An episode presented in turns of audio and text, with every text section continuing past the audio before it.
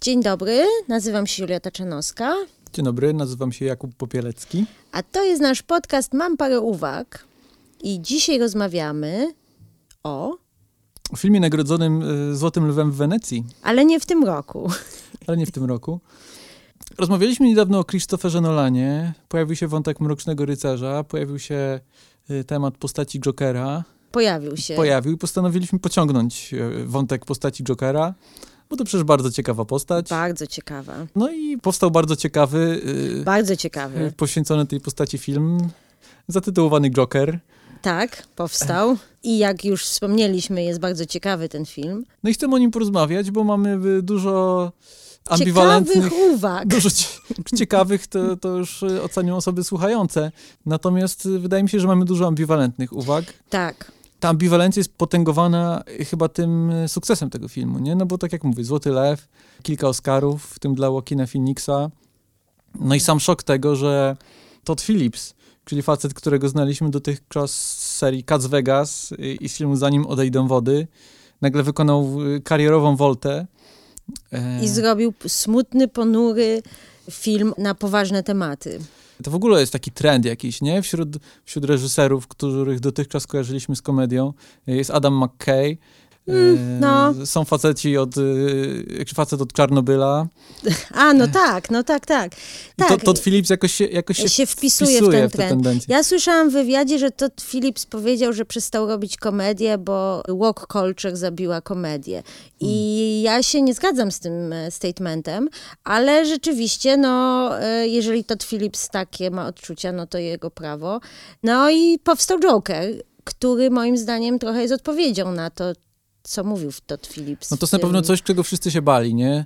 Że to będzie straszny film, e, po którym ludzie wyjdą, na Wyjdą ulicę. na ulicę. To jest takie śmieszne, nie? Bo to był co? Dwa, e, 2019 rok i to jest tak jakby świat e, powiedział, podtrzymaj moje piwo, Chce, chcecie, chcecie ciężkich czasów, to Słuchaj, macie ciężkie czasy. Podobno, to, są, to jest wciąż na etapie plotek, ale podobno w przygotowaniu są dwie kolejne części. Będziemy mieli No. trylogię Jokera, nie wiem czy to prawda. E, A- Więc może w drugiej części Joker będzie walczył z pandemią. Może będzie walczył z pandemią.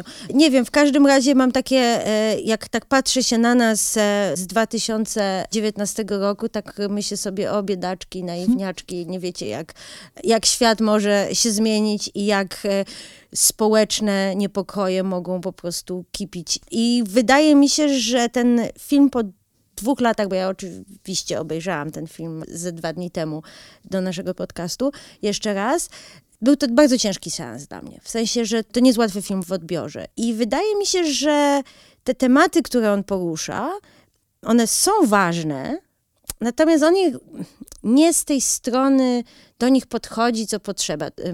Co, co potrzeba, co...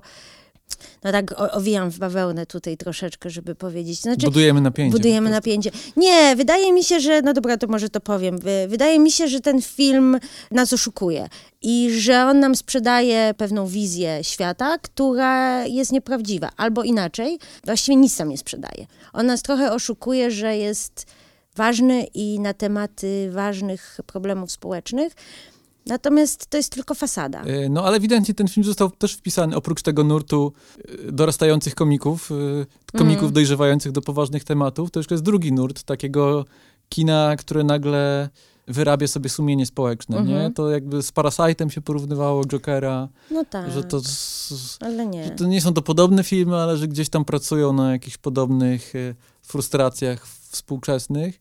No i ewidentnie Joker zagrał na tych frustracjach, nie? To pytanie, w jaki sposób on na nich gra. No tak. E, ja mam e, swoją dziwną teorię na ten temat, ale to też może by budujmy napięcie e, i na razie tylko to są teasery e, tego, dokąd zmierzamy, no ale będziemy po prostu próbowali wadzić się z Jokerem, co do którego, tak jak już powiedziałem, chyba oboje mamy ambiwalentny stosunek. Ja mam chyba ciut bardziej ambiwalentny niż Julia, ale ja zawsze mam ambiwalentny stosunek do wszystkiego.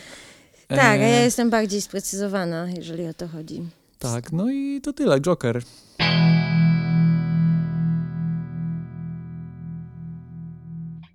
To co, zaczynamy od Scorsese'ego. Tak, no jak mówimy o tych kontekstach, to już trzeci kontekst, który uruchamia ten film. To jest trochę sekret tego filmu, że on cię bardzo łatwo wpisuje w szereg różnych takich ciekawych tematów I to są po prostu takie samograje, nie? Że mówisz problemy społeczne, mówisz poważny komik, mówisz Martin Scorsese i po prostu go. E, no to go. No to go.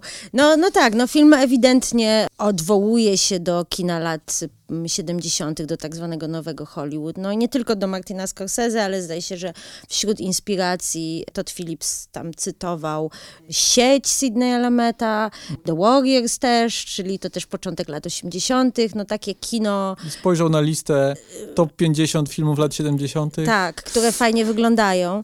Przepraszam e... za ten cynizm.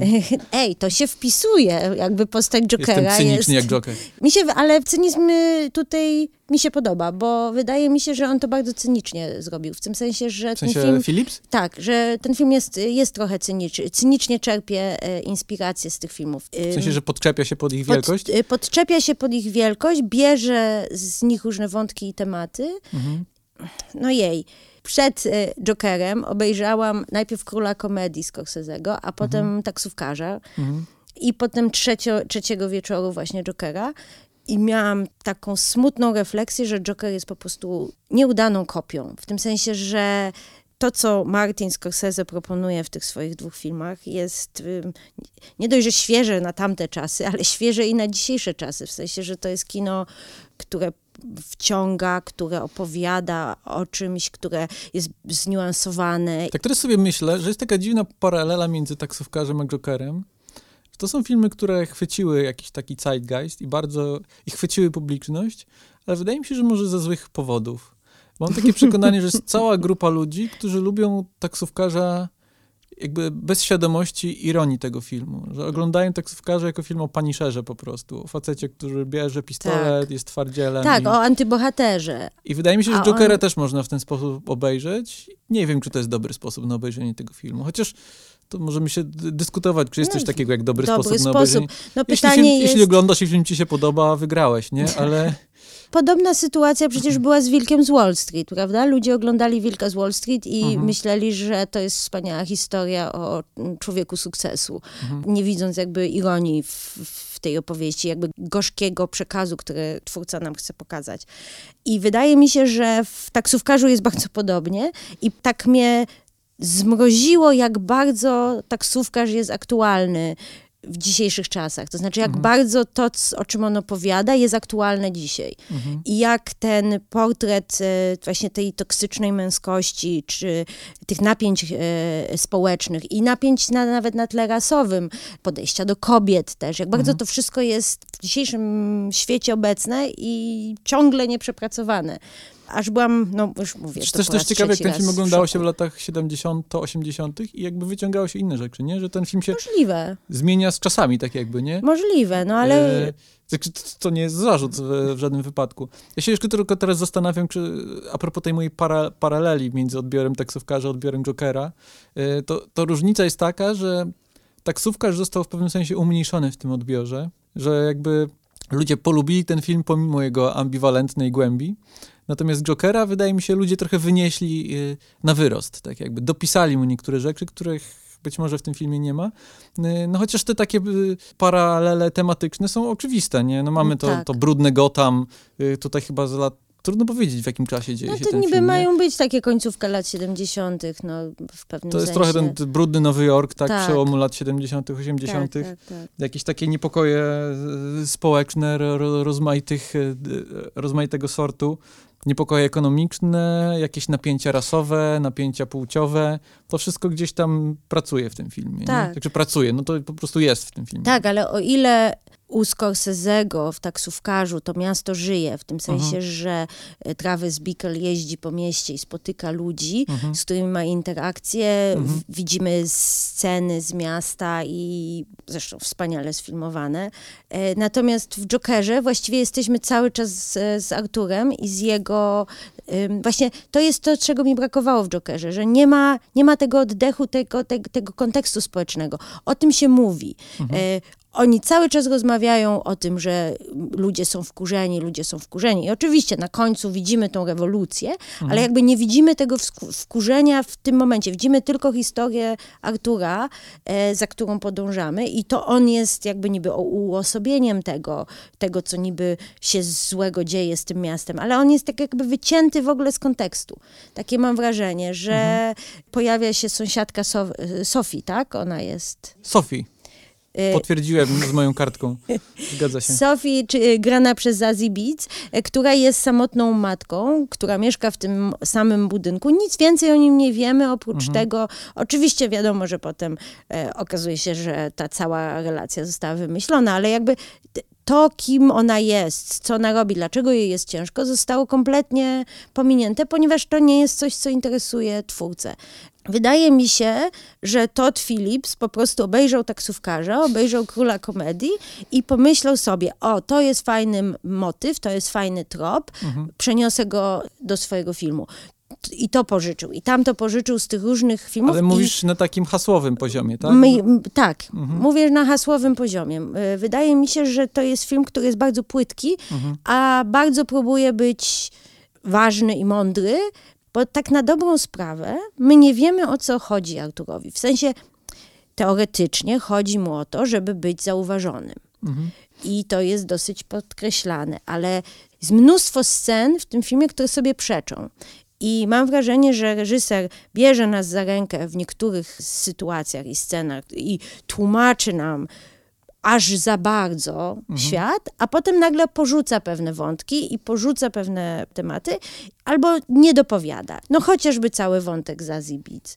W pewnym momencie ona jest porzucona. Jak okazuje się, że ona jednak nie była tą dziewczyną, prawda? nie wiemy, co się z nią dalej stało. Co Artur zrobił, jaka była jego reakcja, jak się okazało, że on sobie to wymyślił, że to nie jest prawdziwa, prawdziwa sytuacja. Jakby nagle ona znika. Dobra, to ja teraz wy, wystrzelę z mojej tezy chyba, bo to się, się aż prosi. Bo te, Okej, i- inaczej, zanim do tego, skoro mówimy o Sassy Beats, jest ten moment w filmie tego ujawnienia, że to, co się wydawało, czyli że oni są parą, że to nieprawda, tak? Tak. Że to jest coś, co Arthur sobie wymyślił i mamy tu taką scenę, gdzie Todd Phillips schodzi z niebios, pan reżyser i mówi to, to i to, to nie była prawda. Tak I to jest. był moment, w którym ja się poczułem obrażony przez reżysera, bo nie lubię, kiedy ktoś bierze mnie za rękę i mówi hej widzu, a teraz patrz. Tym bardziej, że wcześniej już były wyraźne sygnały, że oglądamy świat przedstawiony, który jest jakby zakrzywiony, nie? Przez percepcję Artura, więc widz uważny, ale nie jakiś szczególnie wnikliwy widz, mógłby sobie po prostu to dopowiedzieć, zrozumieć jasno, że to nie jest wiarygodny świat przedstawiony, że oglądamy świat oczami No narratora, któremu nie możemy do końca ufać. I bardzo nie, nie spodobał mi się ten moment takiej łopatologii. No to jest to, co ja mówiłam też, prawda? Tym bardziej ten moment jest dziwny, że on jakby wyróżnia te jed, ten jeden wątek, podkopując jego wiarygodność, podczas gdy wydaje mi się, że film Toda Phillipsa pracuje w taki sposób, że wszystko w nim jest podkopane. I to jest z jednej strony słabe, bo ten film, gdyby się tak zacząć zastanawiać, przeprowadzać jakby logikę niektórych wątków, to nic nie mówi w zasadzie. Tak, dokładnie. Ale z drugiej strony, dzięki temu mówi wszystko. Jakby, wiesz, wszystko jest w cudzysłowie w tym filmie, wszystko jest ambiwalentne, ja też jestem, nawet ja jestem ambiwalentny, wszystko jest ambiwalentne, więc możemy sobie dowolnie jakby, wiesz, stworzyć własny film w głowie z Jokera i to jest paradoksalnie geniusz tego filmu. Jakby, gdyby ktoś mnie spytał o, o genezę sukcesu tego filmu, to ja bym wskazał właśnie na tę rzecz. To jest też ciekawe, e, kiedy słucha się wywiadów z Toddem Phillipsem, to ja nie mam wrażenia, że on chciał coś konkretnego w tym filmie opowiedzieć. Jakby, jak rozmawiasz ze Scorsese'em, to widzisz jakby relację wynikania między intencją reżyserską a tym, co jest na ekranie. Natomiast Todd Phillips jakby może nie chciał, a może nie potrafił po prostu wznieść się na ten jakiś metapoziom i o, opowiedzieć o swoim filmie. Oczywiście jako reżyser nie musi, natomiast... y, No nie musi, nie musi, no wiesz, oczywiście to, to jest na zasadzie, nikt nic nie musi, Nikt nic nie prawda? musi. Ale Nie, no reżyser nie musi jakiś- wiedzieć, reżyser nie musi wiedzieć, jakie energie uruchamia, byleby one działały. Natomiast y, wydaje mi się, że Ale musi mieć coś do powiedzenia, w tym sensie, że oczy, oczywiście nie musi, ale inaczej. Ja chcę oglądać filmy, w których mam wrażenie, że jest coś mi powiedziane. E, Nie, ale chodzi mi o to, że film może coś mówić niezależnie od tego, czy reżyser świadomie chciał to powiedzieć. Wiesz, może pracować No. jego podświadomość, jego instynkt, cokolwiek. E, Natomiast wydaje mi się, że Todd Phillips faktycznie nie wiedział, co chce powiedzieć i ten film też nie wie, co chce powiedzieć, natomiast mówi, znaczy zostawia cały szereg ciekawych, intrygujących tropów, które każdy widz może sobie wyciągnąć i wybrać z nich to, co mu pasuje. Tym bardziej, że film wspiera taką interpretację poprzez ten jakby niewiarygodny tryb narracji, nie? tak, Więc zgadzam jeśli się. coś nie pasuje do twojej osobistej interpretacji, zawsze możesz powiedzieć, a to przecież nieprawda, to się nie działo, nie? Tak, ale mi się to nie podoba, ponieważ ym, Ja nie mówię, że to mi się podoba, ja mówię, że to jest że w tym to filmie. jest w tym I to jest bardzo, to jest bardzo nie, ja ciekawe. się zgadzam, i- a ja uważam, znaczy, ja się z tobą zgadzam, uważam, że to jest w pewnym sensie wada tego filmu. Widziałaś Burning, Płomienie koreańskie, Lee Nie, Chang-donga? nie widziałam. To jest bardzo ciekawy film, bo to jest film, w którym wszystko, co się wydarza, jest ambiwalentne. Mhm. Każdy fakt scenariuszowy nie jest faktem, tylko jest jakby hipotezą. I to jest coś, co jest bardzo świadomie w tym filmie przeprowadzone. I to mi się bardzo w tym filmie podoba. I wydawać by się mogło, że coś takiego samego obserwujemy w Jokerze. Natomiast w Jokerze nie. W Jokerze to jest jakby... To jest błąd w To Jokerze. jest przypadek, to nie jest film o tym. Tak. Lee Chang-dong nakręcił tak jakby film o tym, czego nie Świadomie. widać, nie? I Właśnie ten brak świadomości tego mnie wkurza. Moim zdaniem to jest, to jest ucieczka, to jest, takie, to jest takie trochę tchórzostwo, to jest takie niepodjęcie jakiegoś tematu i nie staranie Mhm. się go obro, obronić. Todd Phillips jakby nie może się zdecydować, czy nie chce, czy nie, w sensie, nie potrafi. asekuruje news. Tak, asekuruje się i to jest właśnie niefajne. I w ten film jest w sumie asekurancki. W jednej z pierwszych scen, właściwie to jest scena rozmowy z panią terapeutką pierwsza i tam Artur mówi w pewnym momencie, wolałem być w szpitalu. I potem jest cięcie i jest taka scena, gdzie Artur w szpitalu wali głową w drzwi. Mhm. I jest cięcie i zwracamy z powrotem. W tym momencie sobie myślę, no i tak. I teraz wszystko, co się teraz wydarzy, Mhm. może być e, w jego głowie. Albo może być pomieszane czasowo, albo w ogóle to po cholerę ja oglądam taki film. Jeżeli to pracuje tematycznie, bo na przykład Właśnie to jest ciekawe, bo to w tym filmie, bo ta ambiwalencja jest ciekawa jako opis postaci Jokera, to zaraz rozwinę ten Tak. wątek, ale ona trochę nie zgadza się z tym jakby, y, z, z tą renomą tego filmu jako filmu, który przepracowuje jakieś społeczne problemy, nie? dokładnie, dokładnie, bo Bo społeczne problemy to jest kon- konkret po prostu, nie? I tego konkretu nie ma w tym filmie. To nie jest The Wire, nie?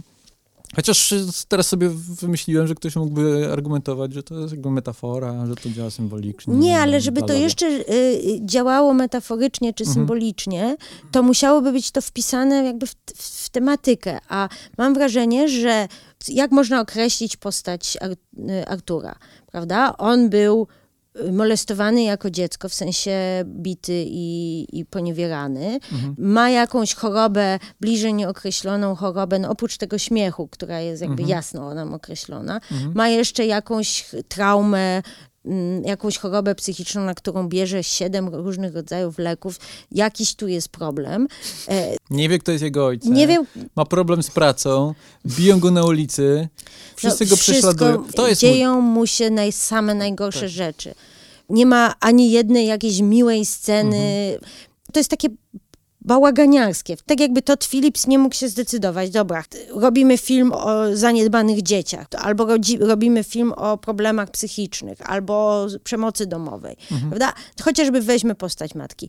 Przez pół filmu jest bardzo miłą staruszką. Okej, widać, że coś może um, sytuacja, w której ona, ten syn z nią mieszka, no ale z drugiej strony myślimy sobie, syn ma problemy psychiczne, może nie może mieszkać sam, albo mama jest niedołężna, musi, może się musi nią opiekować, albo są biedni po prostu i nie stać go na osobne mieszkanie.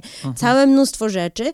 I nagle w połowie filmu dowiadujemy się, że ta matka była, że on w ogóle był adoptowany, że ona go, nie ona go biła, tylko bił ją, jej jakiś zły chłopak, ją i to dziecko. I to dziecko nie zostało jej odebrane, skoro było adoptowane. To jest inna moja uwaga. Plus ona zostaje obwiniona za przemoc domową, którą, z której sama była ofiarą, bo zresztą widzimy ją na tym przesłuchaniu, jest cała pobita. I ja sobie przez sekundę pomyślałam, taką miałam fantazję, że może tym złym chł- chłopakiem był Thomas Wayne i że właśnie, że to jest jakaś takie pokazane, że bogatym mężczyznom może wszystko uchodzić na sucho, bo mogą pobijać kobietę. Ale można tak interpretować Można to tak film. interpretować, A tylko że... zarazem nie można. A zarazem nie można, bo bo natychmiast jest nam to ucięte, Mhm. bo co robi Artur? Idzie i zamiast porozmawiać z mamą o tym jakoś, to ją dusi. I nic nie, nie wiemy.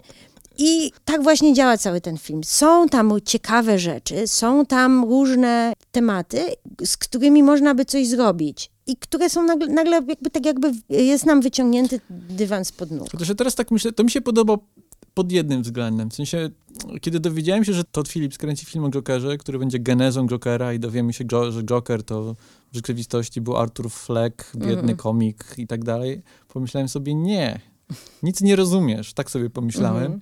Wydaje mi się, że idealną wizją postaci Jokera jest wizja z Mrocznego Rycerza, Mm. gdzie mamy Jokera, który jakby, na tym polega urok postaci Jokera, że on jest zagadką, że jest jakby enigmą, nie? I to jest z nim straszne i to jest z nim intrygujące. Przerażające. I cały numer też. Jokera polega na tym właśnie, że on jest zarazem straszny, ale ciekawy. Tak jakby, Mhm. że trochę mu kibicujemy, a trochę nie. I to wynika po części właśnie z tej jego niedookreśloności, tej takiej migotliwości. No i to pracuje oczywiście w Dark Knightie, gdzie mamy szereg y, sprzecznych y, genez Jokera, nie? Który Tak. opowiada o swoich No tak, bliźniach, tak, nie? tak, to Wiadomo. bardzo jest, to fajnie Eee, działa w ogóle. Tak. No i pomyślałem sobie, no, że opowiadanie, że, że Joker to był biednym tam facetem, który y, coś tam, to jest najgorszy, najgorszy pomysł na tego Jokera. I trochę ten mój zarzut niweluje właśnie tę ambiwalencję tego filmu. No ale wciąż, tak jak mówimy, to jest trochę, to jest opowiedziane na tak jednej nucie, ta taka komiczność niezamierzona Nie, y, tego, jego, jego życia. tego jego życiowego nieszczęścia. To oczywiście też jest nawiązanie do komiksów. To, to mówiłem już o zabójczym żarcie przy okazji Mrocznego Tak. Rycerza, gdzie mamy genezę Jokera jako e, biednego komika, e, która potem jest podważona, więc w sumie nie wiemy, czy to się wydarzyło. I ten Joker Toda Phillipsa pracuje w podobny sposób, ale trochę nie pracuje w ten sposób, bo, bo mamy też ten komponent społeczny, nie? Więc albo mamy opowieść o ambiwalentnym złu, e, albo mamy opowieść o e, bardzo konkretnym złu instytucjonalno-systemowym. Tak. I Tak. te opowieści trochę się I ze sobą drugiej, nie łączą. z, dokładnie, dokładnie to jest to. I z, z jednej strony Joker mówi, nie jestem polityczny, a z drugiej strony y, wygłasza cały statement y, na końcu, na, podczas tego talk show, prawda, gdzie zabija Roberta, Mhm. postać Roberta De Niro. Mhm. I co? I, I teraz jest polityczny, czy nie jest polityczny, prawda? Może niekoniecznie chciał zacząć ruch jakiś społeczny, czy coś takiego, ale przez, może przez przypadek stał się jego twarzą, ale potem jakby leci na tym, wypływa na tym. Chociaż ja tutaj mam kolejną tezę. Ja mam szereg tez, które nie są ze sobą komplementarne nawzajem. W miarę mi się podoba ten jakby, wrócę do tego wątku metafory i symbolu, ten taki wątek symboliczny tego filmu. Czyli gdybym miał wybrać interpretację Jokera Toda Phillipsa, która zbawia dla mnie ten film, to będzie ta interpretacja. To jest interpretacja taka, że to nie jest film o Jokerze jako osobie, tylko to jest, to jest film o figurze Jokera jako pewnej takiej ambiwalentnej figurze, której się chwytamy w czasach opresji czasem i która ma ten taki zwodniczy urok. No bo to, to też ciekawie działa w kontekście Batmana. Kiedy Batman, kiedy zaczniemy go uspołeczniać, yy, polityzować, to Batman się okazuje takim dość prawicowym, konserwatywnym O, no tak. yy, strażnikiem porządku, nie? Więc w takim układzie tak, Joker staje fantazją, mm, tak, bogatego faceta. fantazją który, bogatego, Tak, tak. Właśnie, faceta, który, żeby uleczyć problemy społeczne, zamiast e, zabrać się za pracę u podstaw, to, Tak, to ubiera pelerynę i, i, i bije przestępców, którzy również są ofiarami tegoż systemu, tak, nie? tak. Więc jest to taka bar, bardzo takie konserwatywne marzenie. No i w takim układzie Joker jest w takim razie figurą jakiegoś takiego wentyla, nie? E, Jakiegoś anarchisty, takiego anarchistycznego impulsu, który może no, dać pewien taki oddech, e, pewien opór temu konserwatywnemu marzeniu. Tyle, że, że ta maska Jokera jest maską, jest mieczem obosiecznym, o tak Mm. powiem, nie? To jest trochę tak jak mafiozi w Mrocznym Rycerzu, którzy chwycili się tego Jokera, żeby im pomógł, a potem się okazało, że Joker im pomógł, ale stworzył jeszcze większy problem. tak. I Joker jest trochę filmem o tym, nie? Nie wiem, nie wiem, czy się ze mną zgadzasz. Nie, wiesz, ja, ja jestem daleko od, od tego, żeby mówić, że... Czekaj, pos- pójdę jeszcze dalej z Okej, moim... dobra. To jest film o idź dalej. A, po prostu. I to jest ta sama interpretacja, nie? Tak jak y, republikanie No. e, zwrócili się do Trumpa o No, pomoc, po czym no, stworzyli ja sobie problem chciałam, Trumpa. chciałam to ładniej ująć, e, nie tak wprost, e, żeby nie urazić nikogo, ale z drugiej strony wydaje mi się, że ten film jest taki, że jest właśnie takim bardzo filmem dla konserwatywnych osób, które mają jakieś takie fantazje. Tak myślisz? Bo, bo, Tak. Właśnie, bo ta interpretacja, o której ja teraz mówię, jakby bierze w nawias te, ten konserwatyzm, nie? Czyli pokazuje, że pokazuje na czym polega urok Jokera i urok takich prostych, przemocowych rozwiązań, e, rozwalmy wszystko, ale pokazuje też, Ale że to jest nie, zarazem bo, jest, bo e, my mamy mieć wiesz, sympatię do, problematyczne. my mamy mieć sympatię do Jokera. Mhm. I to jest główny problem tutaj, bo cały ten film, wszystko co się dzieje Arturowi i cała gra Joaquina Phoenixa jest skierowana na to, żeby, żeby nam pokazać, że to jest biedny człowiek. Mhm. I że on został skrzywdzony przez świat. I że ta jego złość jest w sumie uzasadniona. Y, Bo świat jest okropny i ludzie są niefajni. Właśnie, ale to jest ciekawe, bo to jest coś, co ten film nam mówi. Jakby, to jest coś, co jest powiedziane w I- tym filmie, ale film jakby jest też przekaz jakby niewerbalny tego filmu i przekaz niewerbalny tego filmu działa, jak- jest jakby sprzeczny z tym, co film mówi, nie? Bo z jednej strony ta cała opresja Jokera, to o czym mówi o Artura, życia Tak. Artura jest tak, to jego życie jest tak straszne, że po prostu to się aż staje niewiarygodne i aż trudno mu współczuć w pewnym sensie. No nie, no to się robi nudne, nie, nie, nie straszne, w tym Mhm. sensie, że ile razy może koleś dostać po Mhm, głowie, no tak. jakby dużo razy i to już w pewnym momencie robisz się znieczulona, czy tam ja się zrobiłam znieczulona Mhm. na te jego problemy, ale wydaje mi się też, że Todd Phillips z jednej strony mówi ci współczujmy temu Mhm. kolesiowi, ale potem ci mówi, ale to jednak jest Joker, czy on jest zły i on źle robi. Wiemy o tym, że Joker Mhm. jest zły, ale z drugiej strony to, co robi, przynosi nam satysfakcję. Mhm. No, to, to jest kilka rzeczy, bo mi się wydaje, że na tym polega sekret sukcesu postaci Jokera. Że Jokera trochę lubimy. Nie, nie masz tak, że lubisz trochę Jokera? Ja lubię y, postać y, Jokera y, Heatha Ledgera. Lubię, ponieważ on jest zabawny. No właśnie, chociażby. E, on jest y, inteligentny, e, on wie, co chce Mhm. i dąży do swojego celu w taki sposób bardzo przewrotny i gra to z naszymi oczekiwaniami, ale tak jak na przykład u Nolana, ja nie miałam absolutnie poczucia, że film nam mówi lub go. W Mhm. tym sensie, że ja go lubię, bo on jest po prostu świetną postacią, Mhm. a nie dlatego, że mam mieć sympatię dla niego. To Prawda? Czy empatię. Dobra. O, Okej, to jest ciekawe, to z tym jestem w stanie się zgodzić.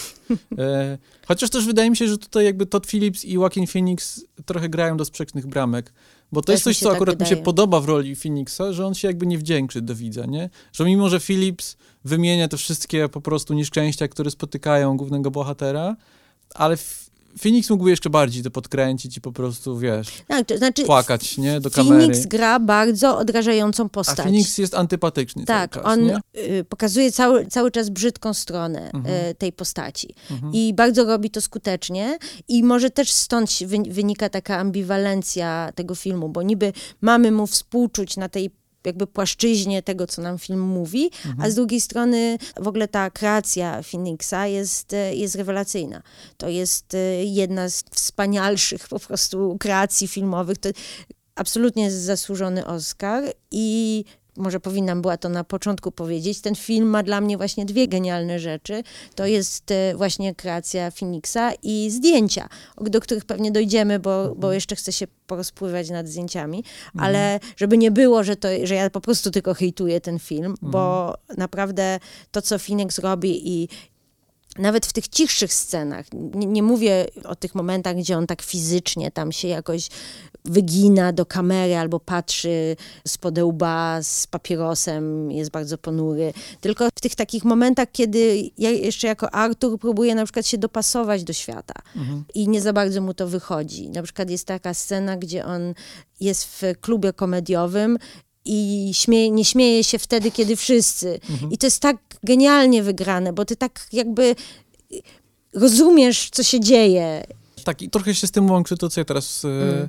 te- teraz mi się skojarzyło, że to jest akurat dość świeże w pokazywaniu Jokera na dużym ekranie, że kiedy już Arthur Fleck staje się Jokerem Mhm. ostatecznie, ubiera fioletowy garnitur, y, ma makijaż i tak dalej, on nie dostaje nagle jakichś scenariuszowych forów. W sen- w sensie to nie jest tak jak w grze komputerowej, że włącza God Mode i nagle jest super mega gościem, któremu wszystko wychodzi i że jest pewny siebie i tak dalej. Trochę tak jak Heath Ledger, ja zawsze używam tego porównania, Heath Ledger w Dark Knightie, tamten Joker, jest trochę jak napastnicy z Funny Games, że on jakby Mm. egzystuje na innym poziomie świata przedstawionego i tak jakby wiedział więcej o wszystkim i wszystko było dla niego łatwe, tak jakby, nie? Że on Mhm. kontroluje narrację w pewnym sensie. I to jest cecha Jokera trochę, że on jest jakby postacią, która ma jakąś taką magiczną niemalże moc. I tego nie ma w tym Jokerze filmowym y, Toda No Phillipsa. to I to jest akurat ciekawe, że y, zwłaszcza w, tym, w tej scenie w talk show, gdzie on jakby już jest już tym Jokerem niemalże spełnionym, ale widzimy cały czas, że on jest jakby nerwowy, No to, ale że on się gra. waha, on balansuje na granicy jakiejś takiej żenady cały czas, nie? Tak. No ale to ale jest to, chyba jest wszystko, Phoenix. to wszystko Phoenix, nie? Tak, tak, tak, bo ta, ta scena jest napisana zupełnie inaczej. Ta scena jest właśnie napisana w ten sposób, że on ma być pewny siebie i ma być przekonany o swojej racji i o tym, e, że właśnie już, już się nie śmieje nerwowo na przykład, jakby przeskakuje w ogóle na inny level. I jeszcze jest jeden fajny moment, ale to już chyba Phillips musiał wymyślić. Jest ta e, ikoniczna scena na schodach, dzikiego tańca tak. Jokera na schodach. I tam jest taki mały moment, znaczy ta scena jest oczywiście Tak. teledyskowa niemalże, tak, on tak, jest tak, tak. monumentalnie filmowany, Tak. w zwolnionym tempie, Tak, tak, tam tak. się wygina i tak dalej. Ale jest taki mały moment, że mamy pokazany ten jego taniec jakby, Z boku. jakby kamera wychodzi z jego głowy i Tak. pokazane jest to z boku i to wygląda żenująco, po prostu No to facet się wije są, na schodach, Bo nie? tam są To jest policjanci, punkt widzenia tak, policjantów, tak, tak. tak, tak. I to jest bardzo zabawne. I on tak nagle się odwraca, taki robi nagły, nagły ruch i patrzy się na nich i zaczyna uciekać, prawda? I to mi się akurat podoba to napięcie, Tak. które ten film uruchamia między tym to Jokerem jest- wyobrażonym, a tym Tak. po prostu dziwnym Tak. facetem. Nie, bo, bo druga rzecz, już to mówiłam o tych zdjęciach, to po prostu te zdjęcia tam są, są niesamowite. I właśnie już nie mówię o tym, że przypominają to filmy z Scorsese'ego, czy taśma, mimo że to nie jest na taśmie, ale że wygląda to jak kręcone w, pod koniec lat 70. Bo to, co jest fajne dla mnie w zdjęciach, te wszystkie wybory, właśnie czy ruchów kamery, czy nawet montaż, wszystko jest... ym, tak świetnie dobrane, żeby oddać ci dokładnie to, co. Do, oddać nastrój sceny. O, Mhm. może tak to powiem. Mam tak jak ty, w tym sensie, że zdjęcia są dla mnie też być może nawet najlepszą rzeczą w tym Mm. filmie. Ja jako osoba, która nie jest szczególnie wrażliwa na kolor, bardzo doceniam to, co jest zrobione z kolorem w tym To filmie. prawda, W sensie to film, który ma tak nieoczywistą i tak charakterystyczną paletę, to prawda. jakby te połączenia, które tutaj są uruchomione, kolorystyczne, są tak ciekawe po prostu. I te kolory są też tak właśnie nasycone, w tak cie- ciekawy sposób wykorzystane, że to jest film, o którym ja myślę tak jakby kolorami niemalże, nie? Bo, bo nie kojarzę drugiego filmu, który by używał tych konkretnych połączeń. Jest bardzo ciekawe na przykład połączenie światła dziennego, czy tam y, niebieskiego z żółtym, Mhm. takiego napięcia między tym dniem i nocą i tak się nawet zastanawiałam, czy te światła nie walczą ze sobą Mhm. jakby o duszę. y, To jest ta ambiwalencja. A, a może możliwe, możliwe. To ja bym wrócił do jeszcze jednego wątku, bo już zaczęliśmy mówić o tym, czy film jest po stronie Artura, czy film mówi nam, że Artur to jest jednak B i że jest jakieś napięcie. I to jest ciekawa wypowiedź Quentina Tarantino na temat tego filmu. Tak. Możemy tutaj się pozastanawiać, czy się zgadzamy z Quentinem, czy się nie zgadzamy i tak dalej. On powiedział coś takiego, to było o scenie talk showowej, Tak.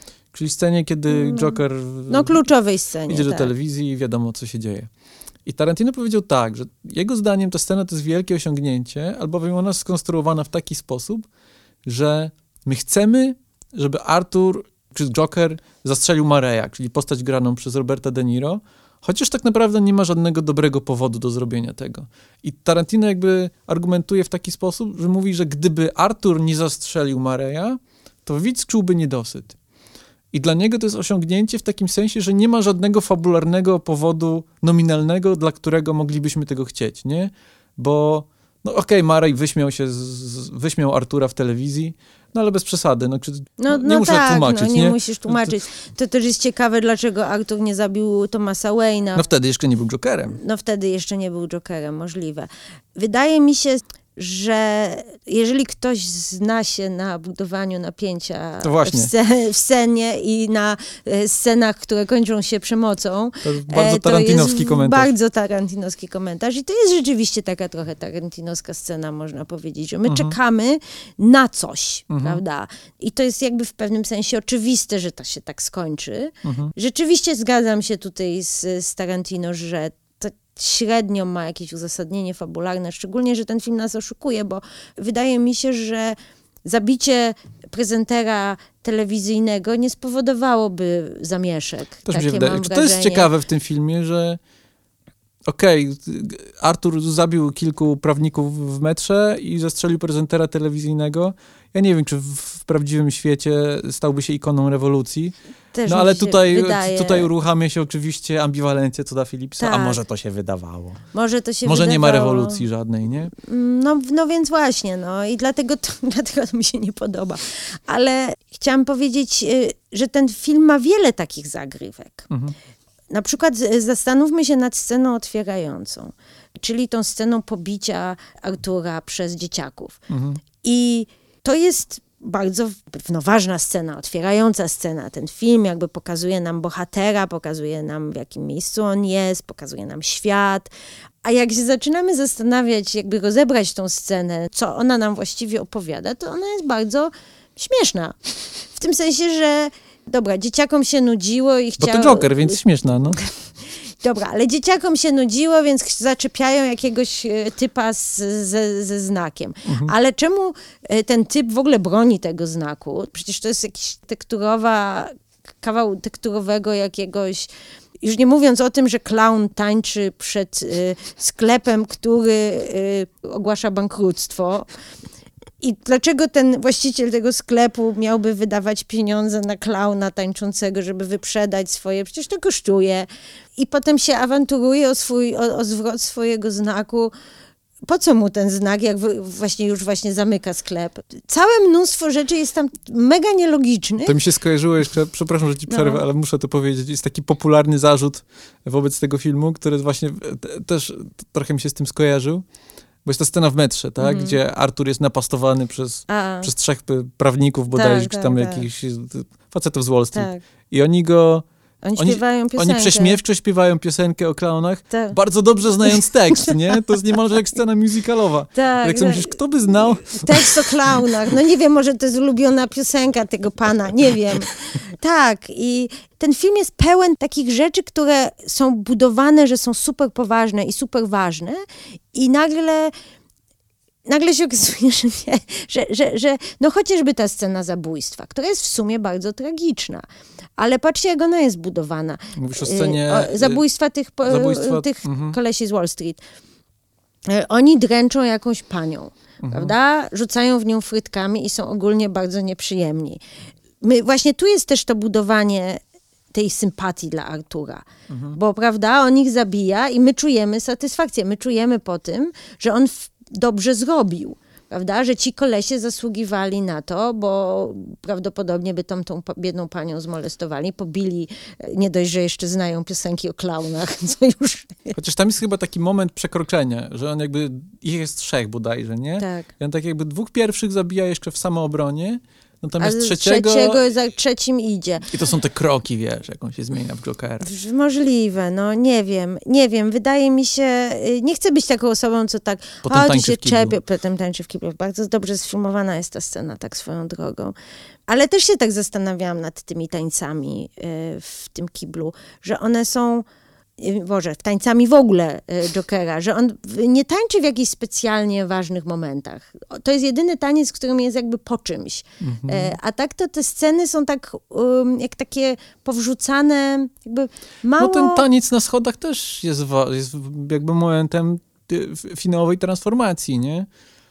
No możliwe, że on pokonuje te, te, te schody, że on się wcześniej wspina po tych schodach e, i wspina i to jest taka, taki symbol, że jakby ciężko ma pod górkę, a tutaj schodzi i tańczy takim triumfalnym... Bo to się trochę klei z tą moją teorią metafory symbolu Jokera, nie? Mhm. Gdzie to jest jakby zaczynamy z filmem o człowieku. Mhm. Ja, co, ja teraz brzmi, jakbym bronił tego filmu. Ja nie wiem, czy ja go bronię. Po prostu mam Nie, dużo to- sprzecznych myśli na to- jego temat. To, bo to jest film właśnie, który prowokuje to. Więc tak, zaczynamy jako, z filmem o człowieku, który stopniowo jakby odejmuje to człowieczeństwo od siebie. Tak. Jakby porzuca kolejne, kolejne znaki. Porzuca swoją dziewczynę, wyimaginowaną czy nie, porzuca marzenie o dziewczynie. Tak. Zabija swoją matkę. Ta tajemnica jego pochodzenia też zostaje jakby nierozwiązana i też jakby to odrzuca. I na końcu, wiesz, pozbywa się swojej twarzy i staje się tym jokerem, symbolem. Mm. I, No to to jest ciekawe. Jest to ciekawe samo w sobie. To jest ciekawa interpretacja, e, rzeczywiście. Ja nie chcę być taką osobą, co się czepia po prostu, bo lubi się czepiać, albo nie lubię filmów komiksowych, albo nie lubię filmów. E, Przecież o... lubisz. No właśnie. Mieliśmy lubię. 18 odcinków o filmach Marvela. Tak, nie, ja lubię i to jest na pewno ciekawy film. Po prostu moim zdaniem jest dość przeceniony i też jest ten moment, w którym on się pojawił, prawda, że właśnie po tych wszystkich Marvelowych, e, można powiedzieć przesycie Marvelowym, e, nagle pojawia się film z Erką, który opowiada o poważnych tematach i nie jest w ogóle komiksowy w tym sensie, że właśnie nie ma Batmana chociażby, nie ma bujek, nie ma... e, No bo, bo też można to jest akurat osiągnięcie tego to filmu, jest nie? że on osiągnął aż taki sukces, w zasadzie nie grając tę blockbusterową grę. Absolutnie, absolutnie. I oczywiście można argumentować, że to nie jest pierwszy film z Erką, że Deadpool był już wcześniej z Erką, prawda? Czy że to nie jest pierwszy film na temat poważnych mm, komiksowych bohaterów, bo Logan był też bardzo poważny i miał nawet nominację do Oscara za scenariusz i tak dalej, i tak dalej. Ale ten film robi naprawdę bardzo taką ciekawą, ciekawo je jakoś się wpisuje w ten świat filmów o komiksach. Chociaż to jest coś, czego ja się bałem e, przy okazji tego filmu, bo przed premierą to już trochę drwiłem na początku, że były to obawy, że to będzie film kontrowersyjny, że ludzie wyjdą na tak. ulicę i zaczną się zabijać. A E, to jest takie śmieszne. Natomiast y, ja się bałem, że ten film będzie miał tak, zły wpływ, ale pod innym względem. Mhm. Że ludzie wyciągną z jego sukcesu złe wnioski. Tak jak zawsze to się dzieje w przypadku hollywoodzkiego filmu, który odnosi jakiś wielki sukces. Tak było zresztą z Nolanem. Wszyscy z filmów Nolana wyciągnęli złe wnioski. Wnioski takie, że musi być ujęcie wieżowców z wysoka, coś musi wybuchnąć. e, musi w środku filmu y, czarny charakter musi być schwytany, No ale to jest tak. oczywiście jego plan. mm, I musi być super poważnie, nie? Tak. I na soundtracku musi być ty, ty, ty, ty, ty, ty, Tak. ty, ty. I na tym się skończyło. Skończyła jakby recepcja tego, co dobre w filmach Christophera Nolana No przez Hollywood. niestety. Teraz trochę przesadzam oczywiście, lamentuję, nie? No tak. Natomiast y, tego wpływu Jokera trochę aż tak nie widać, ale wydaje mi się, że to może pandemia po, powstrzymała, Mm. nie? Tak jak też wspomniałeś na początku, że będzie trylogia o Jokerze. Ja nie chcę więcej filmów o Jokerze. Właśnie mi się też to akurat podobało w tym filmie, że on jest takim sobie filmem, że to jest, oto jest film i nie musimy więcej wiedzieć. Nie Hej, musimy ale powstała dostać... trylogia i dwa kolejne filmy byłyby lepsze niż ten pierwszy No, i ojeju, retroaktywnie ok. sprawił, że wiesz... że wszystko będzie fajne. Nie wiem, no możliwe, że wiadomo, że to tak się narzeka, że nie chce się... A co by było, jakby był tylko jeden film o Ojcu Chrzestnym i nie powstałby drugi film o Ojcu Chrzestnym.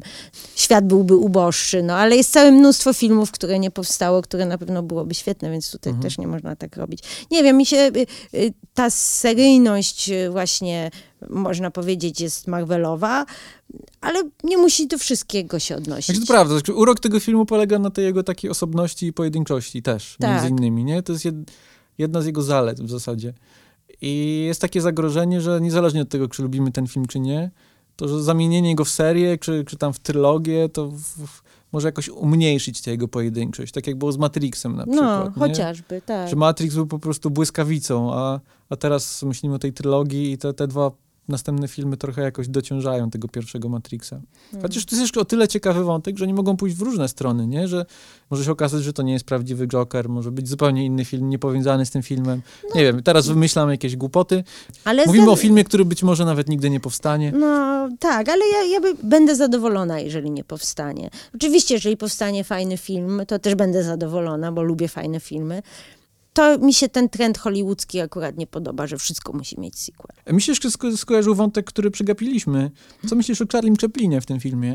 O. Wiesz, y, Obejrzałam pół tego filmu, też przygotowując się Dzisiejszych do... czasów? Tak, tak. Nie, niestety nie miałam czasu, żeby do To żeby przegapiłaś cały... finał, w którym jest rewolucja. E, No tak, ale podoba mi się, tam jest jedna ekstra, jedna ekstra scena, gdzie właśnie Charlie Chaplin, czyli ten Trump, Mhm. chce przejść przez ulicę i przejeżdża ciężarówka taka długa z taką flagą, to jakieś drewno na nim wiezie i wystaje i jest taka flaga i ta flaga wypada. I Charlie podchodzi, chwyta tą flagę i zaczyna nią machać, Mhm. żeby hej, hej, hej, jakby zgubiłeś flagę, a za nim wychodzi Ale to- to jest ta scena, o której ja mówiłem pochód, wychodzi pochód związkowców i on idzie na czele tego pochodu. Tak mnie to rozbawiło, to jest takie zabawne. Ale to trochę jest o tym też Joker, E, nie? No jest trochę o tym też Joker, no i dlatego ten film się tam znalazł, to jest dobra referencja. Tak, bo to się też klei z moją teorią Trumpa, nie? Ja się zastanawiam, Mhm. czy te, Todd Phillips y, przewidział tę zbieżność y, y, Chaplinowskiego Trumpa z donaldowskim Trumpem. Się wydaje, że ten film e, w sensie Joker powstał absolutnie na fali zwycięstwa Trumpa w wyborach w Stanach i że jest to w pewnym sensie opowieść o takich po- postaciach i co może się zdarzyć, jeżeli jakieś takie dziwne postacie... Zresztą Chaplin zagrał też Hinkela. No tak, tak, tak, tak, w dyktatorze. To jest w pewnym sensie jakiś, moim zdaniem, gdzieś tam odpowiedź, może niekoniecznie świadoma Toda Phillipsa na, na to, jakby jak wyglądał polityczny krajobraz w 2019. No, wi- więc ja będę spinał, bo, bo to się łączy trochę z, tym, Mhm. z tą moją te, tezą, teorią, którą już wygłosiłem na początku, że ja nie wiem, czy to jest zaplanowane przez Toda Phillipsa, ale to gdzieś pracuje w tym filmie, natomiast to nie jest przeprowadzone w żaden sposób konsekwentnie, więc to jest zarazem zaletą i wadą tego filmu, nie? I tak samo jest z tym Chaplinem. Oczywiście on tam jest wsadzony świadomie, z jakąś taką świadomością No to- konotacji, ale nie wiem, czy on jest aż tak dogłębnie przemyślany przez Toda Phillipsa. Nie, bo ja się na przykład zastanawiałem, się. czy To bardziej Chaplin chodziło o to... nie jest to wprowadzone, bo na przykład Batmana kojarzymy z Zorro, nie? Tak, Mówi się, że Batman, mówi się. kto tak mówi? Okej, nie, no bo Batman, e, często w komiksach mówi się. W Mhm. komiksach często scena śmierci rodziców Batmana odbywa się po seansie filmu Zorro, Tak. nie? I jakby Zorro jest jedną z inspiracji dla Batmana, tak samo jak był jedną z inspiracji dla stworzenia posta- postaci Batmana, więc jest taka trochę meta, metageneza. I się zastanawiam, czy Todd Phillips nie próbował tutaj przeciwstawić temu Zorro tego Trumpa właśnie, nie? I to Mm. jest Batman kontra Joker, to jest Zorro kontra Trump. Mm, Dzisiejsze czasy, ponieważ jest to film, który opowiada o, O dzisiejszych czasach. o rewolucji w latach dwudziestych czy tam trzydziestych, w sensie, że o Wielkiej Depresji w Stanach Zjednoczonych i że to Todd Phillips to wsadził tam trochę ironicznie na zasadzie, że o, zobaczcie, m, bogaci oglądają film o, o tym, jak kiedyś się biednym żyło i pękają ze śmiechu, albo cokolwiek i że to bardziej chodziło o to, a nie, nie wydaje mi się, że tam jakiś kontekst się specjalny uruchomił. O.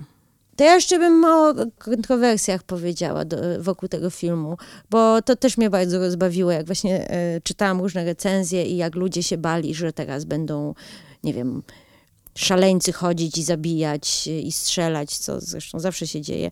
I najbardziej mnie śmieszy, jak się właśnie tą presję na artystów e, nakłada, że ten film spowodował jakieś tam ruchy. I wiadomo, że kino ma olbrzymią władzę nad y, zmianą jakiegoś myślenia czy świadomości, ale szczególnie mnie śmieszy, jak politycy się oburzają, e, że film, który adresuje jakieś problemy społeczne, Mhm. jest zły, a sami są tymi dokładnie osobami, które mogą wpłynąć na rozwiązanie tego problemu społecznego.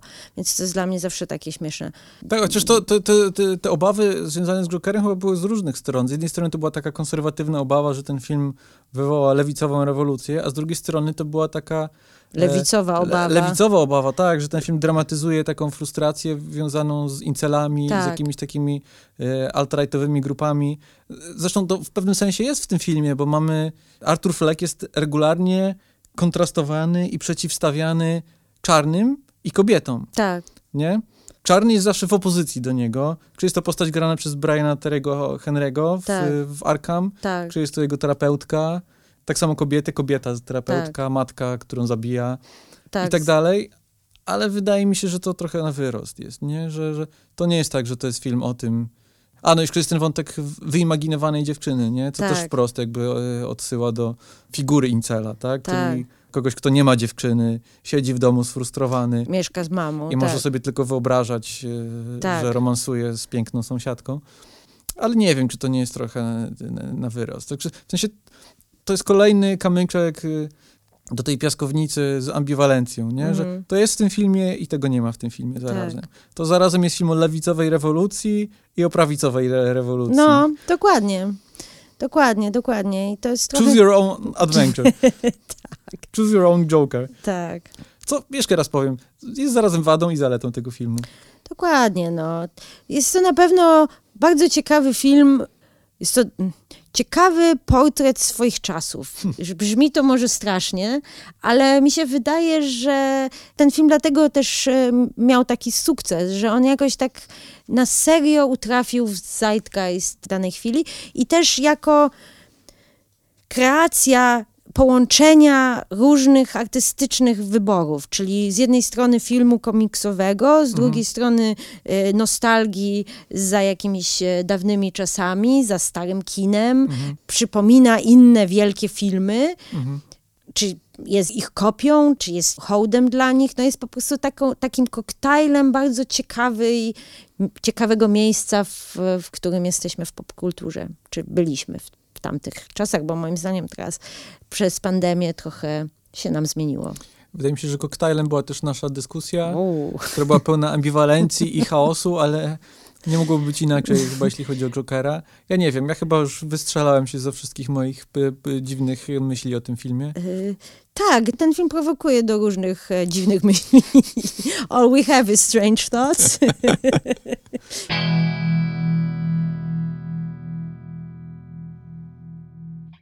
to nie jest tak, że ja nie lubię tego filmu. W sensie, to nie jest film, który będę chciała obejrzeć w najbliższym czasie, powtórzyć sobie seans, ale to jest film, który na pewno, no już można powiedzieć, od tygodnia o nim rozmawiamy. Właśnie, ciekawie się o nim rozmawia. tak. To jest zawsze coś. Ja też miałem taką refleksję dzisiaj, że jest dużo filmów, które mi się bardzo podobały, a które po dwóch tygodniach zapominam. Natomiast tego Jokera, mimo że dwa lata już minęły od premiery, to jakiś jest ten film żywy w mojej pamięci. Może to przez te kolory, o których mówiłem. Możliwe. No myślę, że to, że to już brzmi bardzo puentowo, te to, tony, w które Mm. uderzamy. Tak. Więc pora chyba zamykać tę dyskusję. Klasycznie już nie zdradzamy, co w następnym odcinku. No, też nawet nie wiem chyba. Czy A ja chyba już- wiem, chyba a, już wiemy. A, też, teraz sobie też przypomniałam. Tak, ustaliliśmy. Właśnie się zastanawiam, jak bardzo, i, i, jak bardzo frustrujące i irytujące są dla słuchaczy te nasze zakończenia, w których mówimy, że znowu wam nie powiemy, o czym będziemy rozmawiać w kolejnym odcinku. Ha, ha, ha. Mam nadzieję, że nie są irytujące, ale w każdym razie zapraszamy na kolejny odcinek. Ja już się nie mogę doczekać. Ja myślę, że są ambiwalentne jak Joker. Myślisz? Tak. Dobra. Dobra, to co? Jakub Popielecki. Julia Taczanowska. Żegnamy się. Dziękujemy. Do usłyszenia.